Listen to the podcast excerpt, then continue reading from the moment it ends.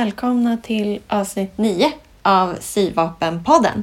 Hej, Med- hej! Halloj! Hej! Hej, hej! Eh, vi som pratar är jag, Weidan. Och jag, My. Ingrid? Ah, Nice. Eh, ja, det kanske ni redan har koll på, ni som lyssnar. Men eh, vi har fått vissa kommentarer om att någras röster är svåra att särskilja från varandra. Så det kan väl vara bra med en påminnelse. Eh, men hörni, jag vill höra vad ni har gjort sen sist. Ingrid, vill du börja? Ja, absolut. Jag har sytt klart mina gröna byxor Oj! alldeles nyss. Är de klara? Wow! De är klara. Eh, japp. Mm. Det var ju inte så jättemycket kvar på dem. Det var den där hemska resåren i midjan som jag ska göra. Ja. Men, eh, men det gick ändå ganska bra tycker jag. Mm. Gud vad bra. Åh vad kul att få se dem också. Jag är lite nyfiken hur det blev. Du får Ja, zooma in precis. på alla små detaljer och sådär. Ja, exakt. Alla detaljer ska vi inte zooma in på.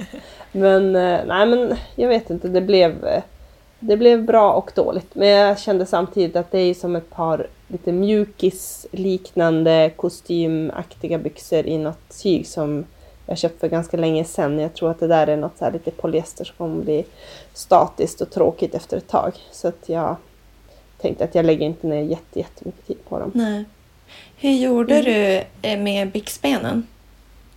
Ja, men jag sprättade upp den där overlocken som jag hade gjort fel och så eh, sydde jag om den. Men jag gjorde så där som jag hade tänkt att jag vände overlocken en bit ner på benet så att jag kunde rulla upp byxan utan att det syns någon söm Var du tvungen att typ klippa något hack då eller någonting för att vända på sömsmånarna eller hur? Nej, det blir ju som ett litet hål där, Ah. eller en lucka Ja. mellan. Men eh, det struntade jag i. Jag tänker att det där är inte ett tyg som repar upp sig särskilt mycket heller. Nej, just det. Faktiskt. Ja. Men jag fick ett, ett jättebra tips på Facebook eh, om att man kunde ju också göra så att man syr in själva sömsmånen i en eh, snedslå. Mm. Ah, det är ju snyggt Så som man- tusan. Alltså det man ser folk Ja. som har gjort det där på typ jackor och grejer. Ja. ja, det är så Ja, jäkla som- ambitiöst och så sjukt Ja. snyggt. verkligen. De binder som in sömsmånen i ett band. Antingen tillsammans så att man har ett band. Eller att man har eh, delat på sömsmånen och så var för sig Aha. så gör man en sån här Mm. snedslå på båda. Det är ju sjukt snyggt. Då kan man ju ha en kontrasterande färg eller en matchande. Ja, men det, då hade jag redan, innan jag såg ett tipset så hade jag redan hunnit göra det så kände jag att mm, ja, det är så mycket möda kommer jag inte lägga på de här byxorna men det är ett jättebra tips. Så att jag, framtiden ska jag verkligen försöka våga mig på det Ja, det vore kul att få testa någon gång. Liksom. Ja, Ja. Mm. Jag funderade ju på att göra det eh, på insidan av den här manchesterbomben innan jag bestämde mig för att jag ändå skulle ta, göra foder. ja, Ja. just det. Mm. Jo, alltså på såna här tunna typ sommarjackor i enkelt tyg Mm. så är det ju, ja då kan det bli väldigt fint. Eller typ en trenchcoat eller Mm. någonting. Mm. Ja, det är så Absolut. sjukt snyggt. Och så Mm. roligt också. För att typ bilder jag har sett på det här, då är det ofta att det är någon som har använt ett snedslåband som är lite mönstrat och lite härliga färger och typ sådär. Alltså, jag är så Mm. glad. Det känns väldigt vårigt och härligt. Mm. Verkligen. Det känns ju inte jätteavancerat när det är så här raka sidosömmar eller si- sömmen mitt bak i ryggen. Men jag tänker att när det blir så här runt ärmhålet Mm. och sånt. Huh. Ja. Och att man kan bli ganska less också tror jag. Alltså om det är många Mm. sådana Ja. där sömmar som man ska täcka igen. Mm. Mm. Jo. Men en vacker dag. Mm. Men sen har jag också gjort en förbättring på en blus som jag sytt, eh, ja kanske förra sommaren. Kommer ni ihåg den där eh, blusen som vi pratade om i förra avsnittet i viskos? Som jag, eller om det var förra eller kanske något innan det. Men det var ju en, ett viskostyg som jag köpte utan att förstå att det var viskos. Den här med tulpaner på. Ja. Just det, det här ljusa tyget med tulpaner ja. Ja, Mm. precis. Där sydde jag ju en blus men den ville liksom där ville urringningen stå ut lite grann från Mm. kroppen, ni vet. Det där klassiskt. Ja, vad synd. Ja. Ja, och då hade jag ju redan sytt ihop den. Det är både själva yttertyget på blusen och så var det en krage och så var det en infodring. Ja. Ah, Så det var Oj, liksom, vad besvärligt. att f- Ja. ja, tre lager och så tänkte jag så här, vad ska jag göra med det här? Ska jag bara strunta i det? Men det har blivit så att jag som inte haft den där blusen för att jag den är redan ganska mycket urringad och så faller den dessutom ut. Då kan man ju se rakt ner i... Härligheten. ja. ja. Det är bra att du bjuder på dig själv. Ja. ja. Den är väldigt bjussig. Ja. ja. Så att har, då tänker jag att när den bara hänger på en galge då måste man försöka göra någonting. Så jag gjorde mysknep fast i efterhand. Jag körde rynksöm ovanpå den redan sydda sömmen och drog lite grann och så sydde jag igen en gång till. Jaha. Okej, Okej. så du kom Ja. åt liksom ändå? Ja, jag sprättade min understitch så kom jag åt sömmen men jag skulle inte rekommendera det. Nej, det- blir, det blir lite knövligt. Ja. Kragen blev lite knövlig och sådär. Jag fick handsy ner den lite grann sen och så. Okej. Ja, Ah. det var lite pyssel. Okej, men var det värt det då? Vart det ändå? Ja, ja men jag tycker att jag tänker att jag kommer kunna ha den nu och inte tänka så mycket på det där Mm. faktiskt. Vad bra. Då är det ju värt det. Ja, men jag tänker det. Även om när man drar ihop och rynkar ihop alltihop och har kragen fastsydd i det samtidigt så blir ju också kragen lite Mm. rynkig. Mm. Och det, det går ju att pressa ut för man rynkar ju så pytte, pytte, pytte lite. Men, men då blir det ju en tendens att den istället för att ligga platt mot, mot plagget så står den uppåt. Jaha. ja, Ah. Så att då handsydde jag ner den lite grann här och där. Vad, oj, vad duktig du är. Jag litar liksom inte på min eh, kvaliteten av min handsömnad. Att det kommer att typ hålla i tvätten och sådär. Alltså att det bara... Ah. Vet, det är som att jag inte känner att det där kommer... Det känns inte tillräckligt liksom hållbart och stabilt. Mina handsydda stygn. Nej, det är inte de här heller. Vi får väl se. Men om jag har den en extra gång så är det ju ändå värt det, tänker jag. Ja. Mm.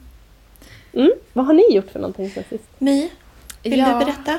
Ja, men jag vill absolut berätta. Alltså, jag tänkte, först tänkte jag börja lite grann med vad som har hänt lite mer syrrelaterat eh, på typ i världen eller i liksom det som är på G nu. För jag tycker att det har, sista tiden eh, så har det liksom dykt upp lite så här intressanta grejer och fenomen och sådär.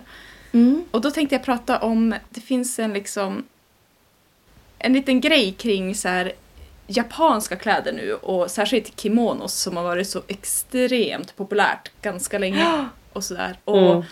det är väldigt många, men, dels liksom klädkedjor som säljer kimono liknande skärningar på sina liksom klänningar eller blusar eller jackor och sådär och så många mönster också, klädmönster. Eh, Mm, det är verkligen superinne. Ja, det är ju verkligen Ja. det. Och jag tycker att det är superfint och jättesnyggt. Eh, men så har det dykt upp också röster från eh, då kanske lite mer medvetna människor och väldigt många från som har något sorts ursprung från Japan som tycker att det är Mm. lite, alltså man ska kanske tänka sig för vad man kallar kimono. För kimono Mm. är ju faktiskt ett visst sorts klädesplagg. Det är ju Mm. inte en skärning eller sådär. Att man får kanske ska vara lite restriktiv med vad man kallar en kimono och liksom att de tycker att det har blivit lite exploaterat och lite så här ovarsamt.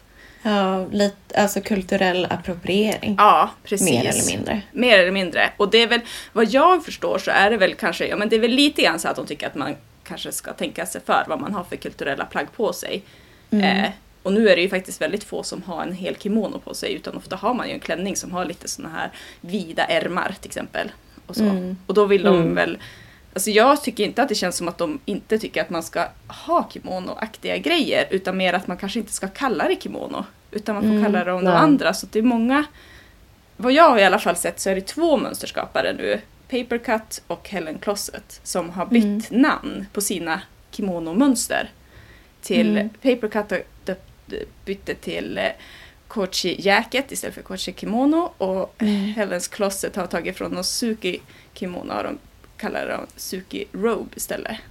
Ja. Mm. Att det är liksom Ja. mer förklarande vad det faktiskt är. Det är inte en kimono utan det är mer en jacka eller en liksom. Ja, Mm. precis. Nej, men, och sen så är det ju också så att eh, alltså, kimono är ju som... Ja, som jag har förstått det så är det mer ett komplext plagg Eh, nu, Mm. alltså, ja, d- ni som följer oss på Instagram och på Facebook och har sett mig eh, vet ju uppenbarligen att jag har någon typ av asiatiskt ursprung. Det är ganska tydligt.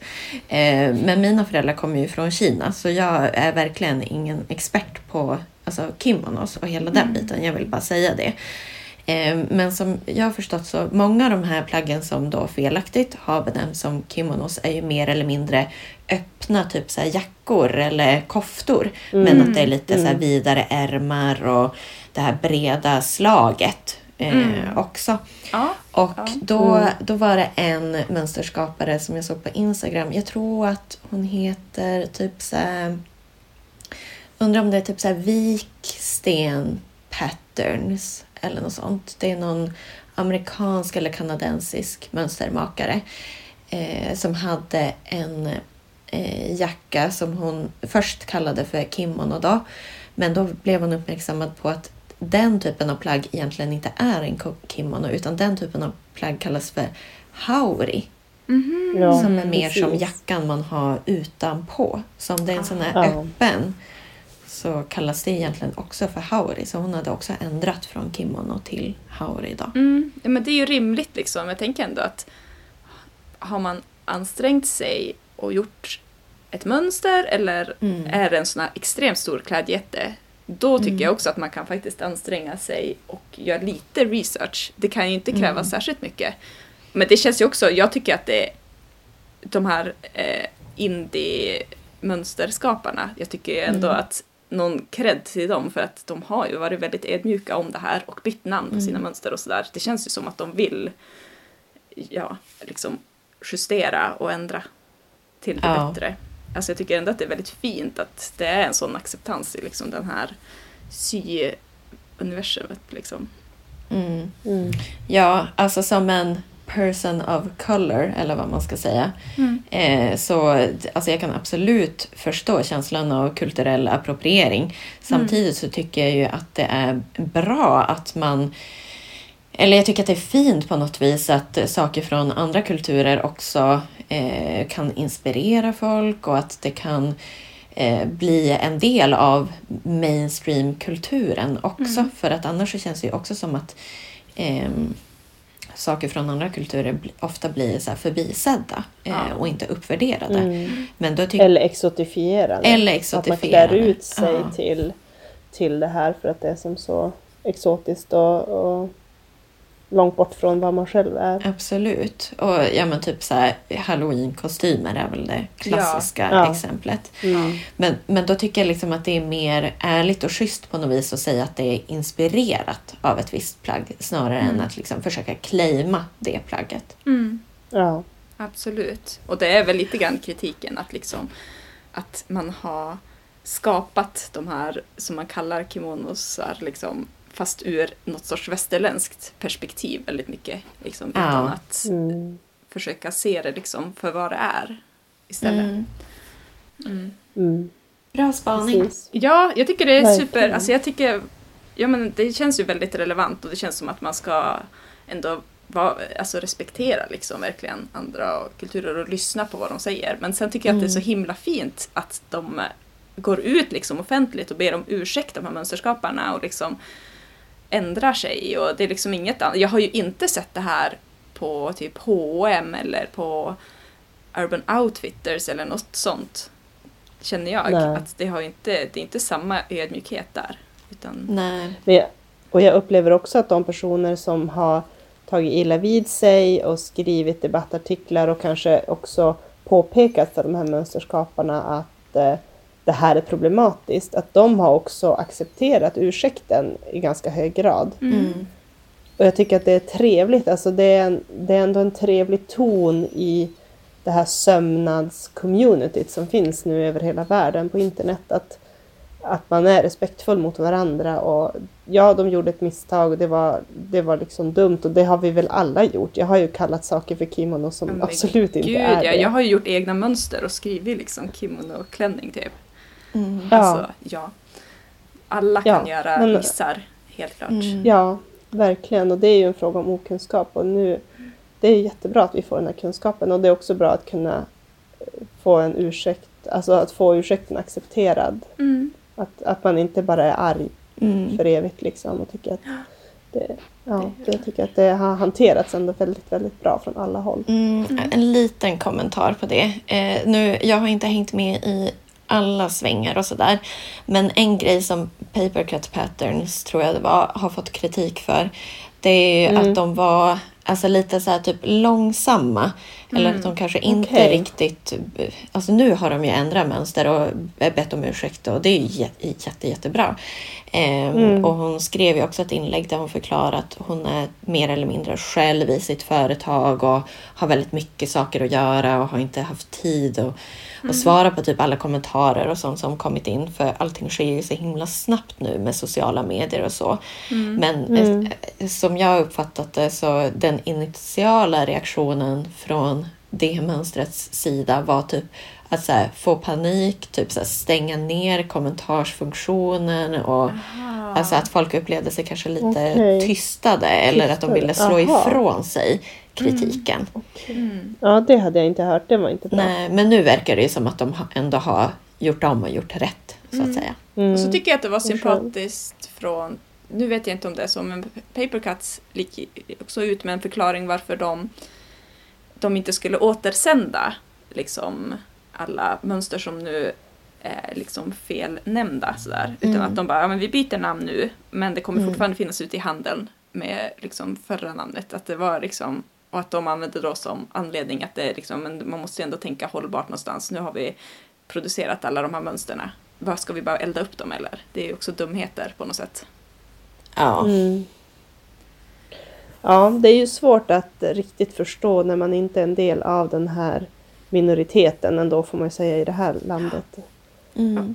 Så är det. Vi skulle ju ha haft en person som kunde liksom förklara för oss som hade, som hade mer kunskap i ämnet och som kanske också känner sig ja, men kränkt eller liksom att, det, att de kände sig personligen drabbade av det här. Mm. Det hade ju varit bra att få höra deras Absolut. synpunkt. Så finns det någon sån som lyssnar på oss så får ni jättegärna skriva Det är jättesvårt vad ni tänker att om det för vi här. ska sitta och säga hur folk ska känna och må. Det går ju inte. Nej, det är jättesvårt. Men jag måste också säga att det verkar, vad jag har googlat runt lite grann, att det verkar finnas lite av en motrörelse också. Att av eh, liksom japaner, att de har liksom, ja, men lite så här små grejer om att det dyker upp att de också är väldigt stolta och typ vill gärna dela med sig av sin kultur. Och som Mm. Oidan säger, liksom, att man ska inte bara typ censurera eller plocka bort liksom, utan att de gärna typ, typ vill att folk ska ha på sig eh, japanska kläder och sådär. Att det är som,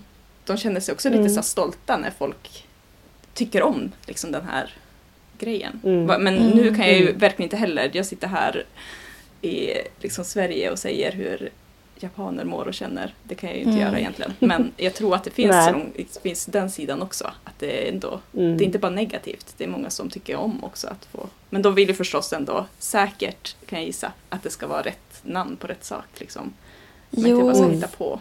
fast jag, jag kan tänka, eh, och som sagt, jag har ju liksom viss eh, erfarenhet och insikt i den här typen av problematik, om än Mm. inte i det här specifika fallet. Eh, men jag kan tänka att det är lite skillnad också om man då är om man tillhör den gruppen vars kultur blir approprierad eller ja, Mm. eh, om man fortfarande bor i sitt hemland eh, Ja. eller om man bor utomlands. Mm. Ja. Eh, för att är det så att ja, men som rasifierad person att bo utomlands och liksom hela tiden i sin vardag uppleva att ens kultur blir liksom förlöjligad eller förminskad eller osynliggjord på olika vis. Men att folk, eh, alltså från andra, alltså från um, vita människor om man får säga så, Mm. liksom handplocka vissa grejer Mm. som de tar Ja. eh, men inte använder Ja. på korrekt sätt. Alltså då blir det mycket mer känsligt och då, att det blir en helt annan grej.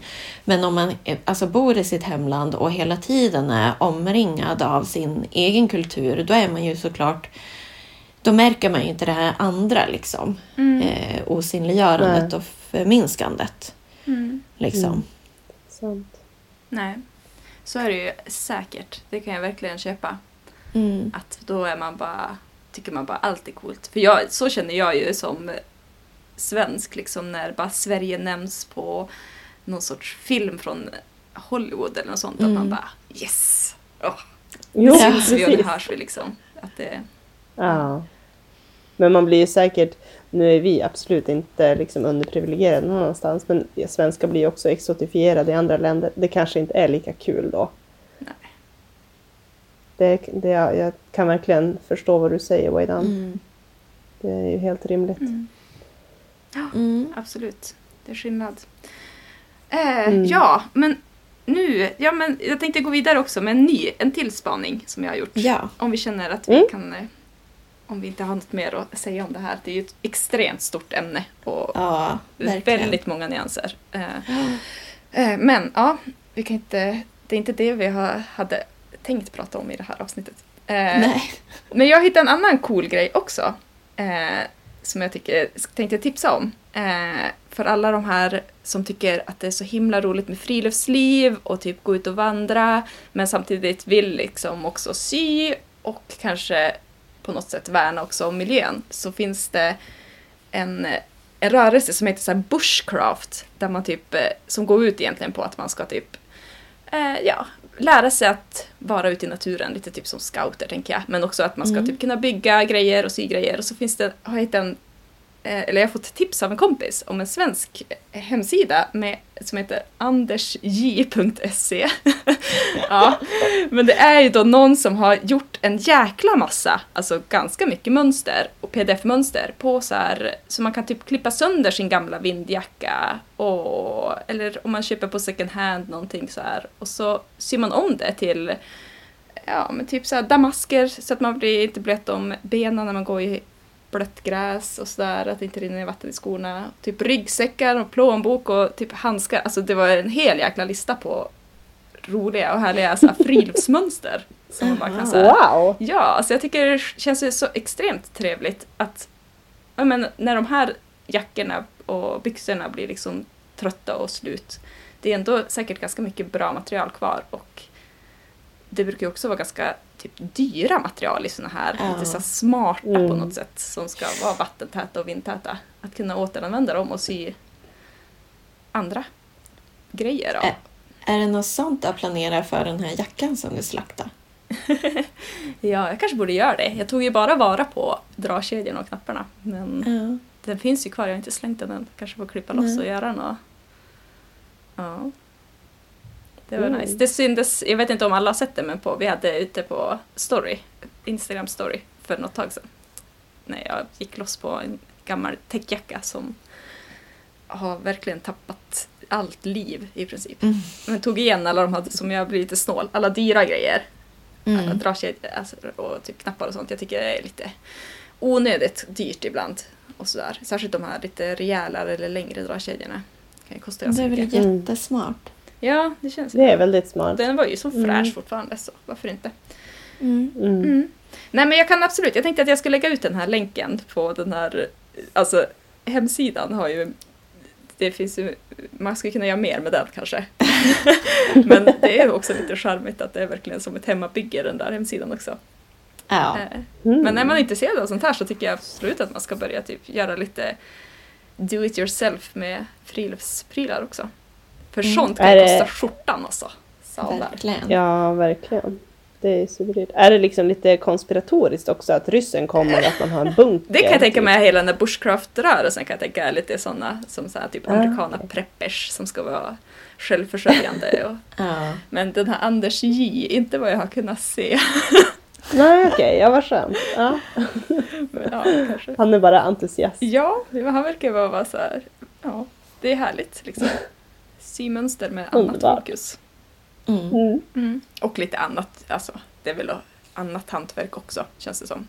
Tälja Mm. någonting och lite metallarbete och sånt. Men man får väl ta russinen ur kakan och bara göra sy textilgrejerna kanske. ja, Ja, Nej, men det, det är jag som har sett och snappat upp lite grann. Mm. Ja. Det, Härligt. mm, mm. Var det något mer du ville snacka om? Nej, nu har jag pratat väldigt mycket. Ja, Men det var ju bra grejer. Ja. Eh, Verkligen. Ja, nu ska jag då återgå till eh, ja, vad ska man säga, den lättsamma delen av podden. Ja, Eller? det blev lite, Ja, det var- lite tungt där. Ja, Lite seriöst. tungt. Svag Men det är bra, också alltså. kände jag. Ja, men man måste som få prata om sådana grejer också ibland. Mm. Eh, ja, eh, det jag har gjort sen sist är i alla fall att jag har sytt klart den här ryska knottklänningen. Den med en knut på Oj. framsidan. Ooh. Okej. Mm. Nice, vad hade du för tyg till den? Eh, ja, men jag hade ju något så här mönstrat jersey, ganska tunt. Eh, Typ blått och svart och gult, typ. Lite vitt tror jag också att det är. Mm, är det något tropiskt mönster? Det är inte ett tropiskt mönster. Det är lite mer så här abstrakt, bara färgfläckar höll jag på att säga. Ah. Mm. Okej. Var du nöjd då? Eh, ja, men på det stora hela vart jag väl ändå nöjd. Det är lite, jag upptäckte att den var ganska lång när jag hade sytt klart den. Alltså typ nästan ner till knäna. Ja. Ja, Hmm. jag tyckte att Oj, det var långt. Ja. Ja. men om man har förväntat sig något annat. Så. Ja, men jag hade tänkt mig att den kanske skulle sluta mitt på låren eller något sånt. Ja. Det känns Ja. mer som en way-down-längd. Var det en sån här superlång modell som hade på sig klänningen i tidningen? alltså eller? jag, jag tror modellerna som Name Clothing brukar använda är typ så här 170 centimeter långa.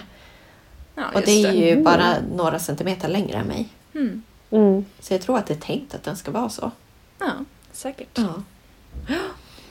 Ja, du får väl vänja dig.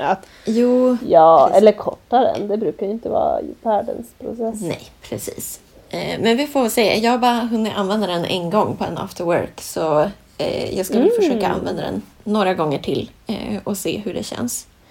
Mm. Ehm, sen har jag äntligen bestämt vad jag ska göra med det här hundtandsmönstrade tyget som jag pratade om för många poddavsnitt sedan. Ja, det här Ja. gröna, det ligger också ute på Instagram.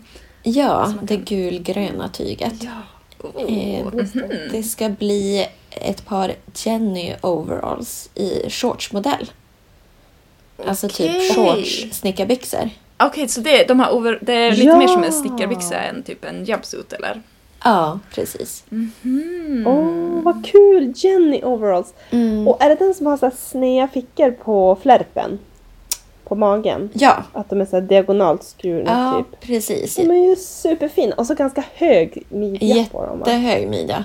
Oh, Åh, nice! kul. Ja, jag var jättesugen på den. Mm. Ja, det har ju varit värsta så här, trendmönstret så i vanlig stil är jag typ ett år efter alla andra. och eh, ja, men jag har kommit en bit på dem. Eh, det känns bra. Det känns Okej. liksom som att det är mer min så här, vanliga stil. Jaha. Ja. Mm. Ja, men faktiskt kanske. Mm. Kul. Så det känns bra. Ja, det blir ju riktigt spexigt också med det där tyget. Ja, Så- exakt. Mm, Mm. verkligen. Vad är det för mönster? Vem är det som producerar det mönstret? Eh, ja, det borde vi säga. Jag tror, jag är 90% säker på att det är Closet Case Patterns. Mm. Ja, just det. Eh, men kan det, ska vara. jag ju, Mm. det länkar vi till, tänker jag. Ja, Ja, och så absolut. skriver jag det. Jag ska lägga ut någon bild på eh, Instagram också. Och så lägger, skriver Mm. jag vem som har gjort det. Ja. Mm. Ja. Eh, sen har jag köpt ett annat nytt tug, en stuv of course. Eh, som är, det är typ så här blått och rosa i lite geometriska former. Typ lite så här Mhm. tribal inspirerat. Eh, som, jag har inte riktigt bestämt mig för vad jag ska göra men jag tänker att jag kanske ska göra en sån här Sadie jumpsuit fast med shorts. Det är också ett Mhm. sånt här inne-mönster. Eh, toppen är liksom lite omlott och så är det som Ja. små holkärmar. Mm. ja, den har jag också spanat på. Mm. Den är ju jätte, jättesnygg. Gud. Gud vad ni har koll på Också- mönster alltså. Ja, men de dyker upp väldigt mycket på typ Instagram och Pinterest. De som är väldigt poppis. Ja.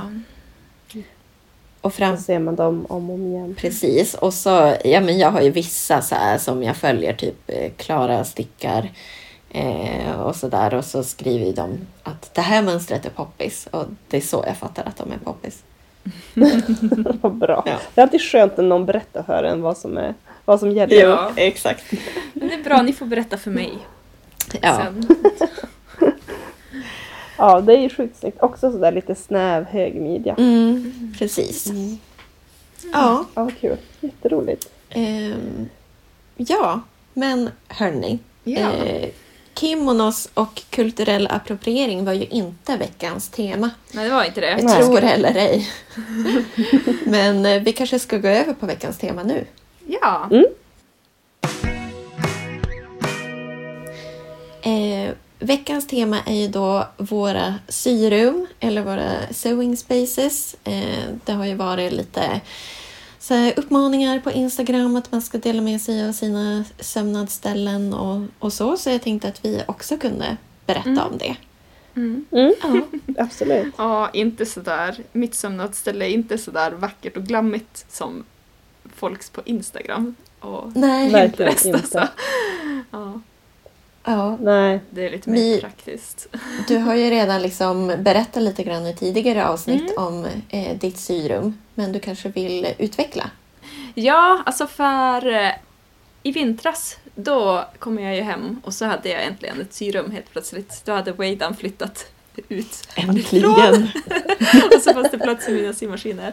Eh, och jag kan ju inte påstå att det har hänt särskilt mycket från... Det är inte lika välstädat som den här lite taskiga eh, filmen som ligger ute på vår Instagram. Eh, Mm. Som jag tror hör typ till avsnitt ett eller två, eller alltså väldigt långt ner i vårt flöde om man vill kolla på den. Eh, det är väl bara ännu mer kaos och ganska jäkla dammigt tycker jag att det blir. Alltså Ja. det blir ju det är så synd för jag vill ofta så här lägga ut tygerna på golvet när jag ska rita ut och klippa ut och sådär. För att det är som den största yta jag har. Men Mm. allting blir ju Mm. dammigt direkt och supertråkigt. Mm. Mm. Och jag är alldeles för lat för att dammsuga tillräckligt ofta. Så jag vet inte, hur Mm. löser ni det med det? Skär ni ut dem på, uppe på någon bord, typ köksbordet eller hur? Nej, oftast Nej. inte.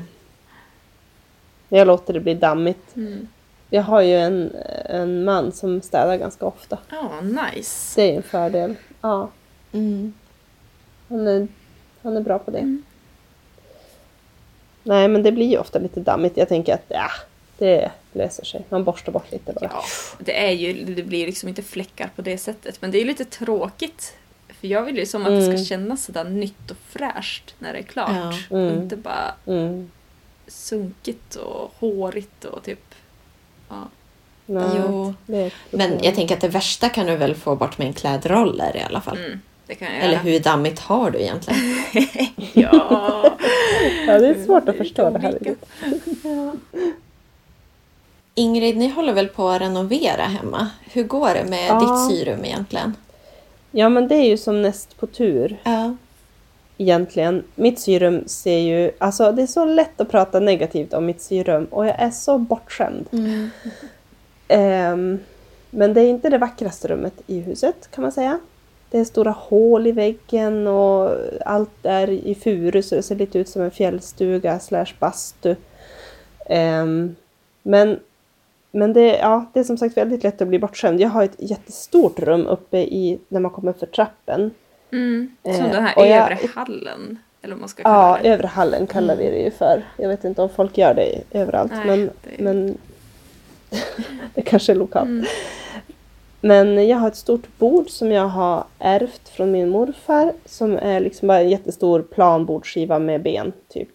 Och där jag har alla mina grejer. Men eh, alltså fördelen med mitt syrum är ju att man går ju igenom det hela tiden. Är det en fördel?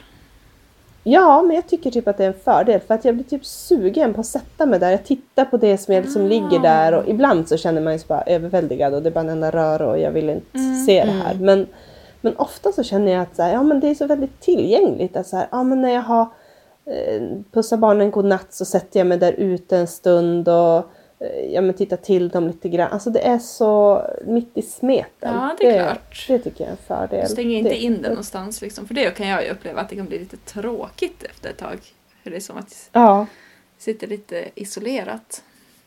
Ja, nej, det är, det är faktiskt en stor fördel. Och sen tänker jag att ja, men jag diskuterade med min mamma lite innan det här avsnittet. Att vad ska man säga egentligen? Vad är det som är bra med, syrummet? Men förutom att det här att alla maskiner står framme, det är lätt att sätta sig och bara göra lite grann en liten stund. Mm. Det är ju som en självklarhet. Men men också att det är en inspiration både för en själv att man, ja men som sagt, tittar på grejerna och blir sugen på att sitta där. Men också att mina barn som växer upp kommer att hela tiden se kreativitet och produktivitet runt om sig och tycka att det där är något man gör och något som finns i huset och att det blir tillgängligt för dem kanske Mm. så småningom. Sen Och blir så de så här andra re- människor- rebeller dina barn och så kommer de bara nej, Ja, jag jag ska vet. inte göra någonting.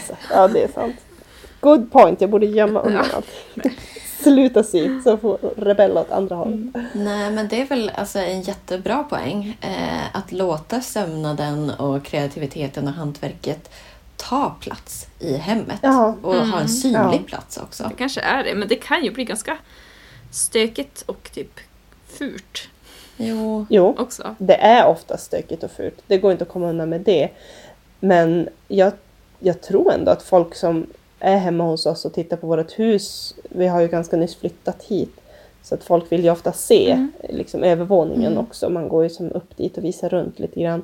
Att de kan ändå tycka att så här, åh, har du ett syrum? Oj, vad håller du på med här? Och liksom att det, det är som en...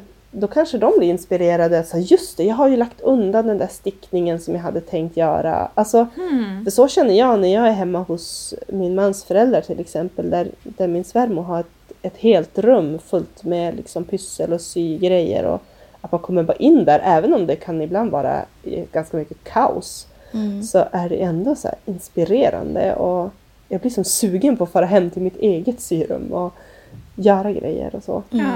Ja, ja, äh, men Ingrid, jag är ju ändå hemma hos er relativt ofta. Och jag måste säga att du har det ju inte så stökigt i Nej, ditt syrum. jag är ganska bra på att ändå bara ha framme det som jag håller på med. Mm. Ja. Men det tycker jag gör skillnad också. Alltså när jag väl orkar städa, det är ganska mycket trevligare att sätta sig och sy då Jo. också.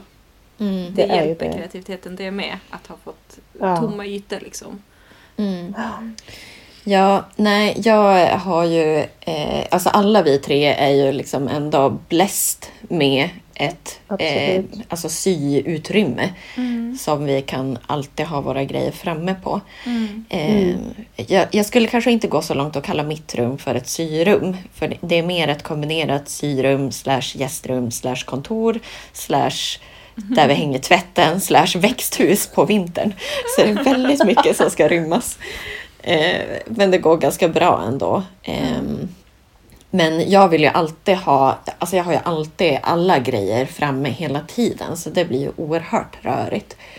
Så jag tycker Mm. att det är väldigt skönt att det finns dörrar så att man bara kan Mm. stänga in det. Typ om folk kommer på Mm. besök så att jag slipper städa. Ja, det är en Mm. fördel faktiskt Mm. med det. Mm. Att kunna... Apropå, eh, apropå det så Mm. har jag ju förberett fem snabba. Ja, Igen! Fem Japp. snabba! Ja, Mm. det var kul sist. nice. Eh, Jag tänker att vi gör som sist, att jag säger de här fem snabba och så får ni bara skrika rakt ut vad ni tycker. Ja. Right, ja. Mm. Japp. Mm. Okej, nummer ett. Det här är alltså, jag tänker att de fem snabba handlar om eh, vad man vill ha. Inte kanske vad man har Mm. eller så. Så Ja. Utan så drömmen liksom. Vad man föredrar, om man fick välja Ja. Fritt. Mm. Kaos eller ordning? Mm. Ordning. Ordning. Okej. Alltså jag skulle absolut välja ordning. Mm. Det är bara det att jag är jättedålig på att hålla det. Ja, det är något som, men jag tycker att det är så, det är som så fint när man får, alltså det är som att jag tycker att det är så trevligt att typ titta på mina tyger när de ligger vikt lite fint och typ när trådarna står på rätt ställe och sådär. Det är som, det, jag Mm. tycker det är liksom allt det här materialet är som så estetiskt tilltalande på något sätt. Så att det är som, ja. Mm. Mm. Jo, fast jag blir ju ofta så uppe i syprocessen eh, när jag syr. Så jag känner bara, ja men sen när jag har klippt ut alla bitar så här, ja men jag hinner inte stöka undan liksom alla skräpbitar utan jag vill börja sy på en gång typ. Ja. Så då blir det liggande. Ja, men jag, ja absolut. Mm. Alltså jag, jag tror inte jag håller det här. Men jag skulle ju- ja det är som du säger, och utan att om jag fick Mm. önska så skulle det alltid bara vara perfekt. Man ska ha haft någon Ja. liten sån här nisse som eh, kommer hem till en när man ligger och sover och städar upp allting eller något. Jag vet inte. Eh, Exakt. Men eh, kan det inte vara lite kreativt med kaos omkring sig också? Att man blir lite så här Mm. ja, men inspirerad, att det ligger grejer och tyger och... Ja, jag vet Nej. inte om jag ens... Alltså jag förstår vad du menar men jag känner inte att jag någonsin har blivit det. Nej. Nej.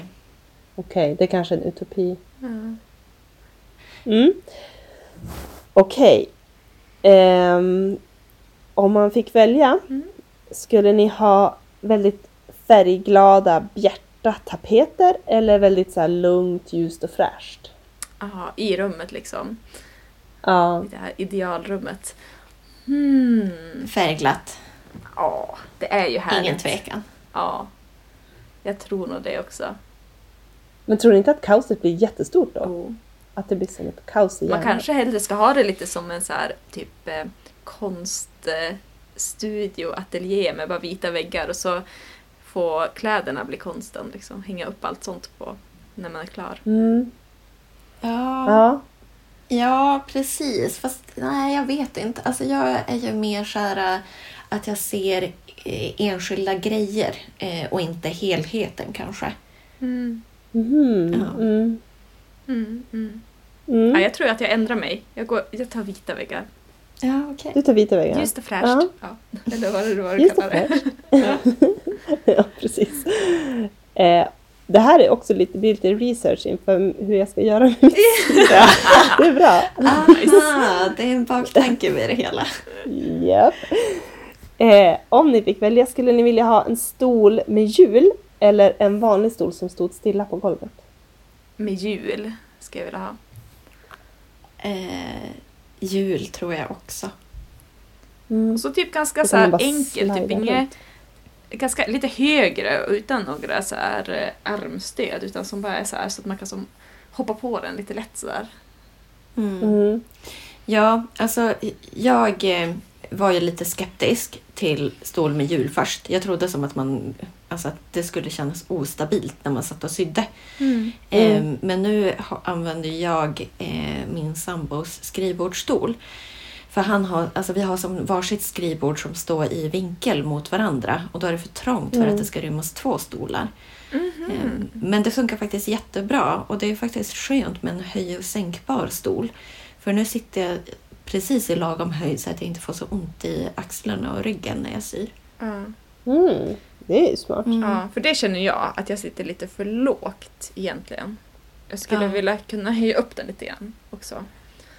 Ja, Mm. Jag tyckte att jag satt för högt så att jag Mm. alltid liksom kröp ihop. Ja, just det. Ja. Mm. Mm. Mm. Okej. Ehm, skulle ni vilja ha alla tyger i en gömd förvaring, alltså typ bakom skåp, Mm. eller framme synligt? Gömd.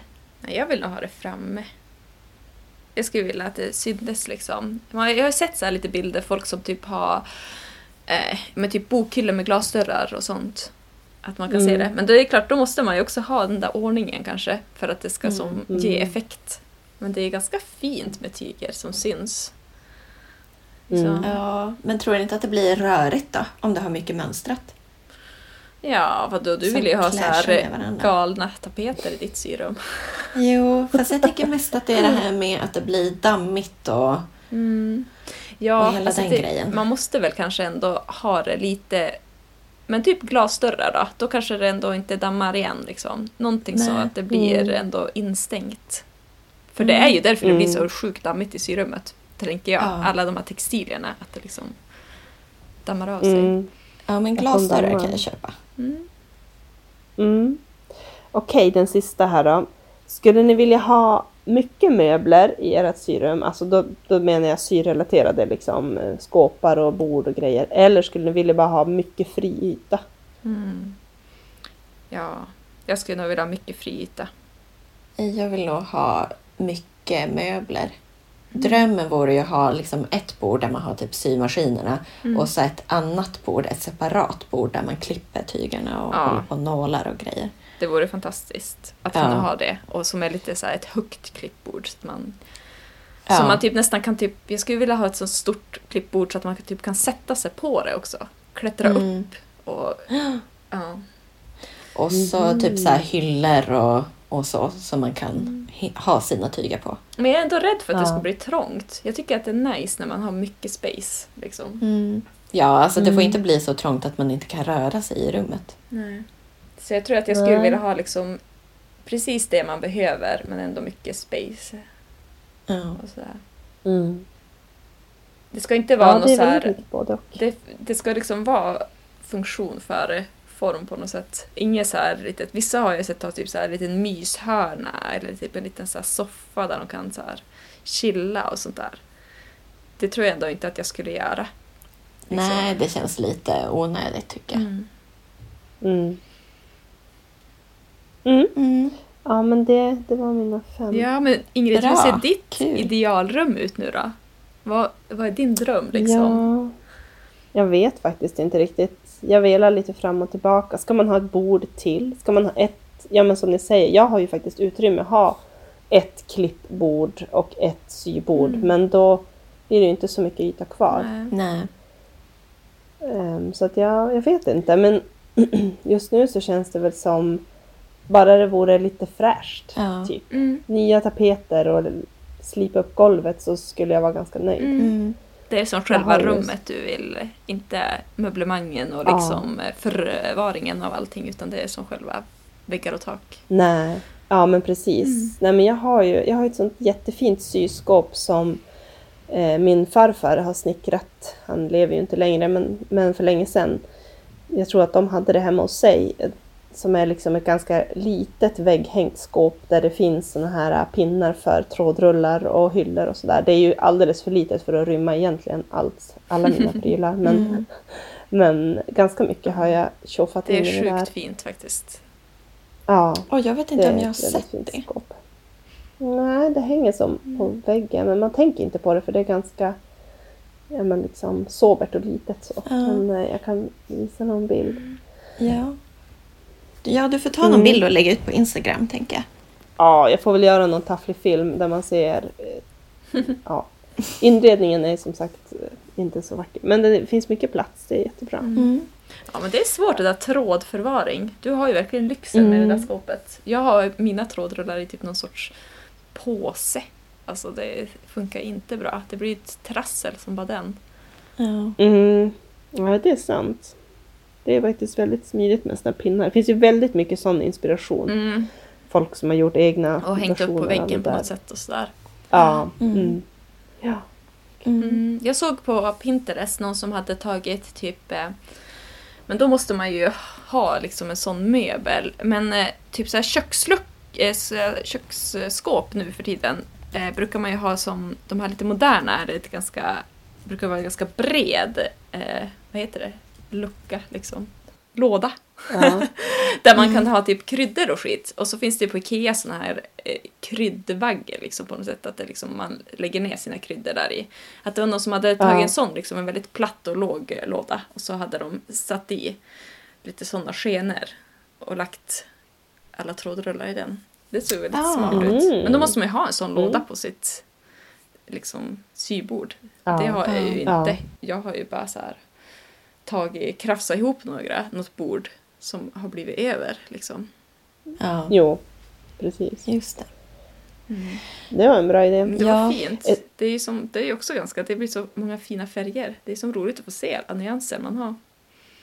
Mm. Mm. Ett, alltså ett tips eh, som jag ändå upplever funkar bra hittills om man har barn hemma eller en klåfingrig partner eller andra människor man bor i med och så risken om man har ett sybord framme är ju att det ackumuleras en massa annat skrot på det där bordet. Eh, ja. Det är sant. Det händer ju. Oftast är det jag som faktiskt ackumulerar det här skrotet, måste jag ju säga. Ja, Jag kan inte skylla ifrån mig. nej men det blir ju ofta så. Man lägger post där eller papper eller skräp eller något man ska bära upp eller ner eller något. Eh, men jag har ju som infört, precis som med tygsaxen, jag minns ju när jag var barn att tygsaxen fick man ju aldrig klippa i något annat än tyg. Den var ju helig. Mm. Eh, och så har jag ju också gjort, eller mina saxar får ju mina barn inte ha än för de är så små. Men, men med bordet har jag sagt att man får aldrig lägga någonting på mammas sybord för det är, det är bara mammas. Mm. Och de, ja men alltså typ att det funkar. Någon gång har min man lagt typ räkningar där. Ja. Då har jag ju så här Har du gjort ett exempel av honom då? Ja, absolut. Och så här, de här förstår jag inte. Det här har inte jag lagt på mitt sybord. Ja, mm, då får han skämmas. Ja. Men det, ja, det funkar bra för att då blir jag som själv också, kan ju inte jag börja lägga massa skrot där för då, då kommer ju andra att göra det också för då finns det redan en hög. Ja, Ja. det är ju det. Man får aldrig börja på den där högen. Då är det lätt att fortsätta. Nej. Nej, alltså jag är snarare tvärtom. Jag har liksom brett ut mig och tagit över min sambos skrivbord också. nice. Det är mycket mer rimligt. Jo. Ja. Faktiskt. Ja, jag tänkte tipsa om en annan grej som jag snubblat över på internet. Eh, det Som heter Ultimate Sewing Box. Eh, Som är typ ett så här gardero- en garderob som man så här viker ut och så drar man ut så här bordskivor eh, och där man kan ha sin symaskin och så finns det massa så förvaringsutrymme för tyg och trådrullar och sådana saker. Så det är ett bra tips om man inte har så mycket space. Mm. Mm. Tyvärr så kostar det typ så här flera tusen dollar. Eh. Såklart. Men det är ju någonting som man kan eh, sitta och spana på i alla fall. Nej men jag tänker man kan ju kanske göra sin egen version av det. Ja, när man är sjukt bra, bra på att snickra. Ja. Jag, vet inte, jag har inte lärt mig den skillen än. det var ju det då. Att få det snyggt. Ja. Ja. Men jag Vad skulle har, du fråga mig? jo, men jag har en fundering hur ni har löst det med alla mönster. Alltså hur ni förvarar dem. Mm. Mm. Har ni något superbra? Jag har ju som något som är lite så här semibra lösning men det börjar eskalera och snart är det inte hållbart längre. Så jag vet inte, har ni något episkt? Alltså jag köpte såna här ganska rymliga plastfickor på Biltema som är som ett kuvert fast i A4-storlek. Det är som plast med en knapp på Ja. som man kan stänga. Och så har, sätter jag små klisterlappar på och så skriver jag vad det är i. Typ Alltså typ etikett? plastmapp. Ja, men typ som en plastmapp. Ja. Mm. Ja, en etikett och så skriver jag vad det är i och vilken storlek det är typ. Och, Mm. Men jag har inte så mycket mönster. Jag har typ två såna här tidskriftssamlare med såna. Mm. Ja just det, då ger du alla dem i en sån då? Liksom en Ja, sån här precis. eh, typ pappersgrej från Ikea typ eller något. Ja, Ja. ja exakt. Ja Enkel. Mm. Mm. Jag, har, jag har en perm eh, och så har jag såna här plastfickor. Alltså Ja. bara vanliga där de, Ja. där de är liksom öppna längst upp. Och så tjoffar jag ner alla utklippta mönsterbitar där. Och så eh, ofta så brukar jag ju, ja, men om jag har liksom köpt ett mönster på nätet så har jag sybeskrivningen i plastfickan också längst fram. Och då är det ganska lätt att se. Och sen har jag skrivit upp vilken storlek jag har eh, klippt ut. Och där jag inte har sybeskrivningen, där har jag bara stoppat ett vanligt A4-papper längst fram. Mm, jag har några så också. Men jag tycker de tar, Mm. börjar ju ta så mycket plats liksom när man har klippt Jo. ut de här. Man, jag sparar ju liksom Mm. de mönsterutklippta grejerna också för jag orkar ju inte göra om det. Nej, nej precis. Det blir Men då kan man ju... tjockt. Ja, men då får man väl ha fler pärmar. Tänker Ja. jag. Typ en för så här, överdelar, en för klänningar, en för shorts eller underdelar. Kanske? Mm. Men du Weidan, det blir inte, finns Ja. inte en risk med det här permsystemet att du råkar vända permen upp och ner någon gång då? Och så bara... Åh nej! Ja. Tack för den My. Det hade jag inte tänkt på. Ja men det kanske, aldrig, det kanske inte ens händer. Nej.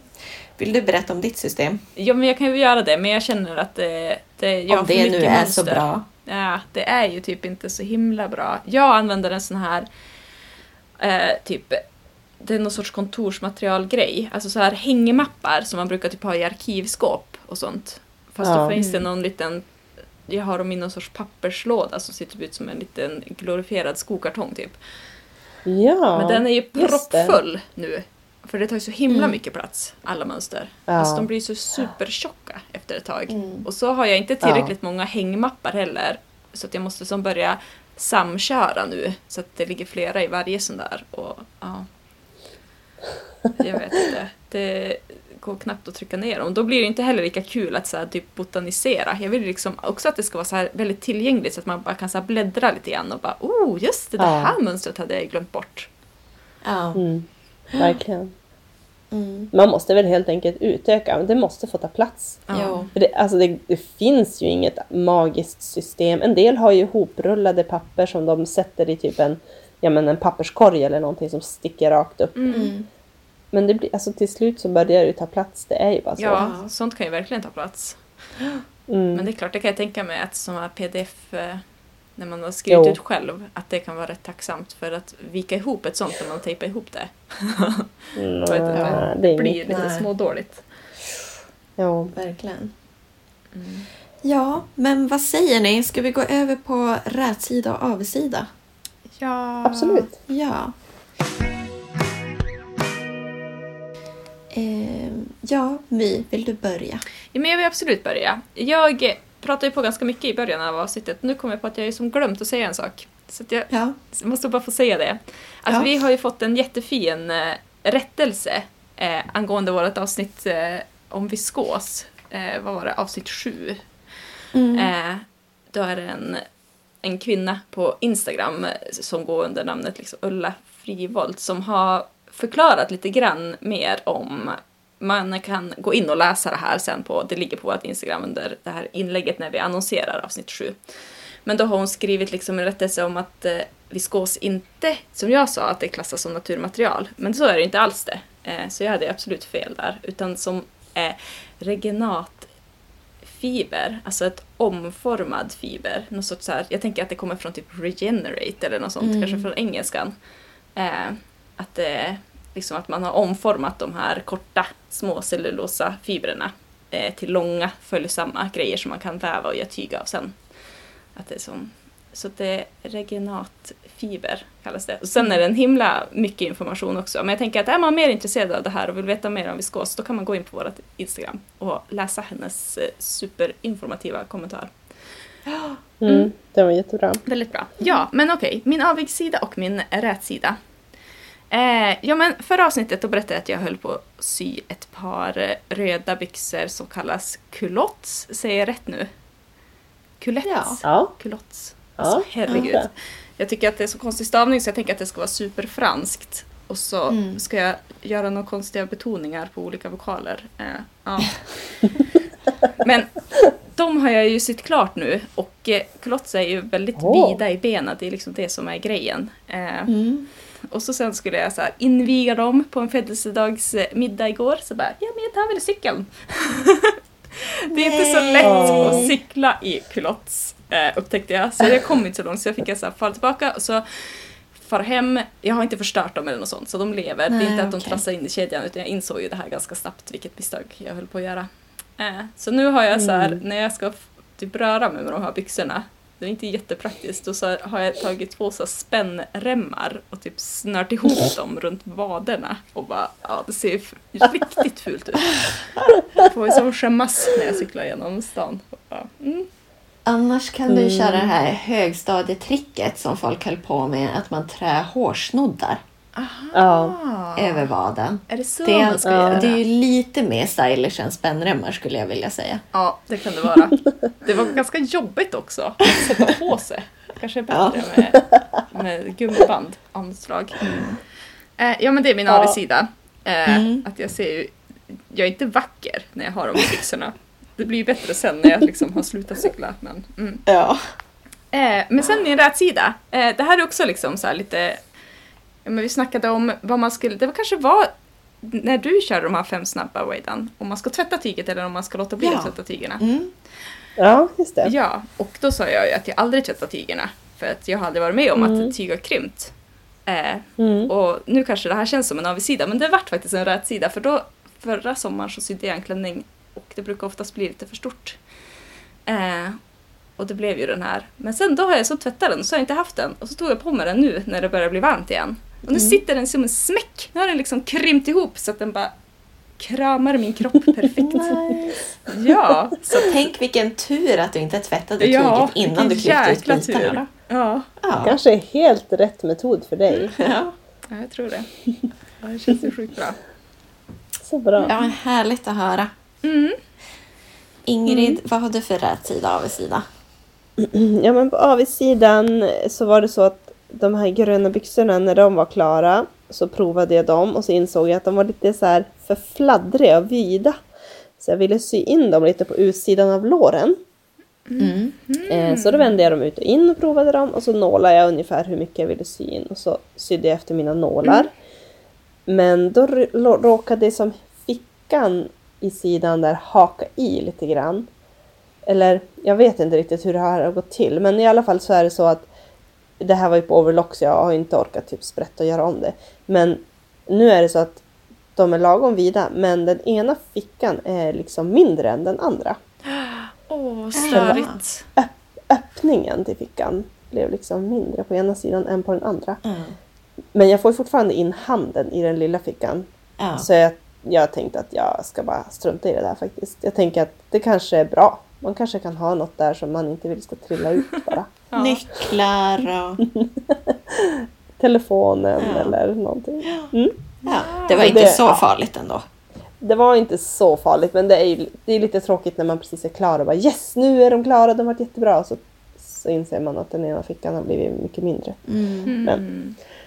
Mm. Ja. På rätsidan så har jag ju grävt i min, jag har ju förutom tygerna som jag har här inne så har jag ju en sån här soffa, kökssoffa med lock ute i våran bagarstuga där jag har mina så här, ja men typ resttyger från olika projekt som är kvar lite bitar av. Och där hittade jag ett tyg som min mamma köpte i Frankrike för jättelänge sedan. Eh, för att sy såna här små påsar med torkad lavendel och ha bland sängkläderna ni vet. Ja, det är trevligt. Det har ju, ja men det är jättetrevligt. Som det har ju aldrig blivit gör. av förstås. Ja, men jag har faktiskt Ja. en liten lavendelpåse. Jag kan tänka mig att det är typ från Eva eller något sånt. Har också en sån. Ja, men ingen har ju någonsin gjort något med det här tyget. Men jag tog fram det för jag ska eh, sy någonting av det tänkte jag. Och så tittar jag på det och så inser jag att det är ju en jättestor bit. Det är typ tre meter Wow. bomullstyg från Provence. Oj! Sablar! Det var lyxigt. Ja. Väldigt nice. Jag funderar på om jag kanske ska ha det som foder i en sån här Sapporo coat som jag tänkte sy. Ah. Eller någonting. Mm. Det var bonus. Mm. Wow.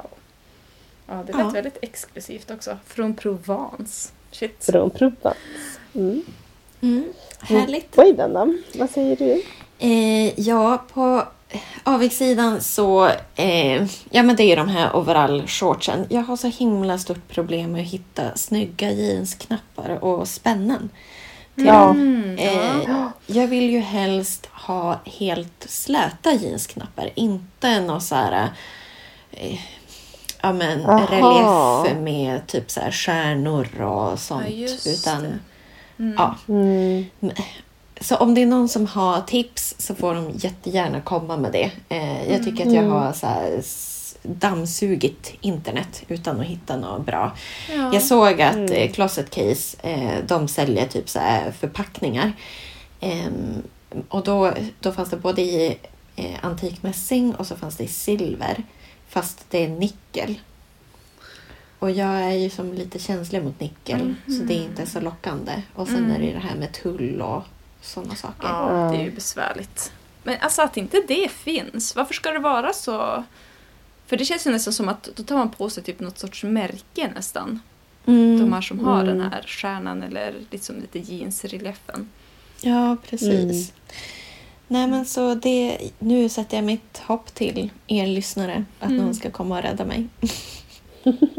Det här med det, du och dina knappar, det känns ju lite som en följetong faktiskt. Absolut. det är Men det ju brukar det. väl ordna sig. Har du hittat knappar till den där blåa blusen? Eh, nej, Nej. inga knappar, inga knapphål. ja, eh, på rätsidan så känns det ju som att jag är på gång till att hitta tillbaka till min egna stil. Eh, Mm. Eller hitta min egna stil när det gäller att sy kläder. Det känns som att jag är eh, i ett flow där nu i alla fall. Åh, vad härligt. Kul. Vad känner du då? Mm. Var har du hittat alla de, Har du hittat massa mönster då, som är perfekta för dig eller hur? Ja, men jag tänker liksom både de här overall-shortsen och så eh, det här tyget som jag berättade om som jag köpte. Att det känns som ganska jag ändå. Mm. Eh, ja, så det känns lovande. Mm. Och det känns som bra att jag är medveten om det här och att jag tänker på det. Så jag hoppas bara att det inte gör att jag blir ännu mer blockerad och liksom kräsen med projekt på just tyg. det. Att det är liksom en till faktor som måste stämma. Ja, precis. Mm. Det är Mm. klart. Ja, men ändå, det känns ju som att du är på rätt spår. Liksom. Du har ändå hittat lite grejer. Så att Mm. det borde väl kunna finnas Mm. Mm. Exakt. Så jag hoppas att det håller i sig. Mm. Mm. Men härligt, vad skönt att få Ja. hitta sin stil. Sådär. Ja. Mm. Ja, men eh, det var väl allt för idag kanske. Det var det. Jag tror också det. Nästa avsnitt blir väl avsnitt 10 va? Ja, jäsiken. Får vi försöka hitta på något Jubileum. lite special. Ja, vi måste väl göra det. Mm. Det blir kul. Ja, men eh, hej då! Ja, hej då allihopa! Hej då! Vi hörs! Ha det så bra! Hej då! Hej då!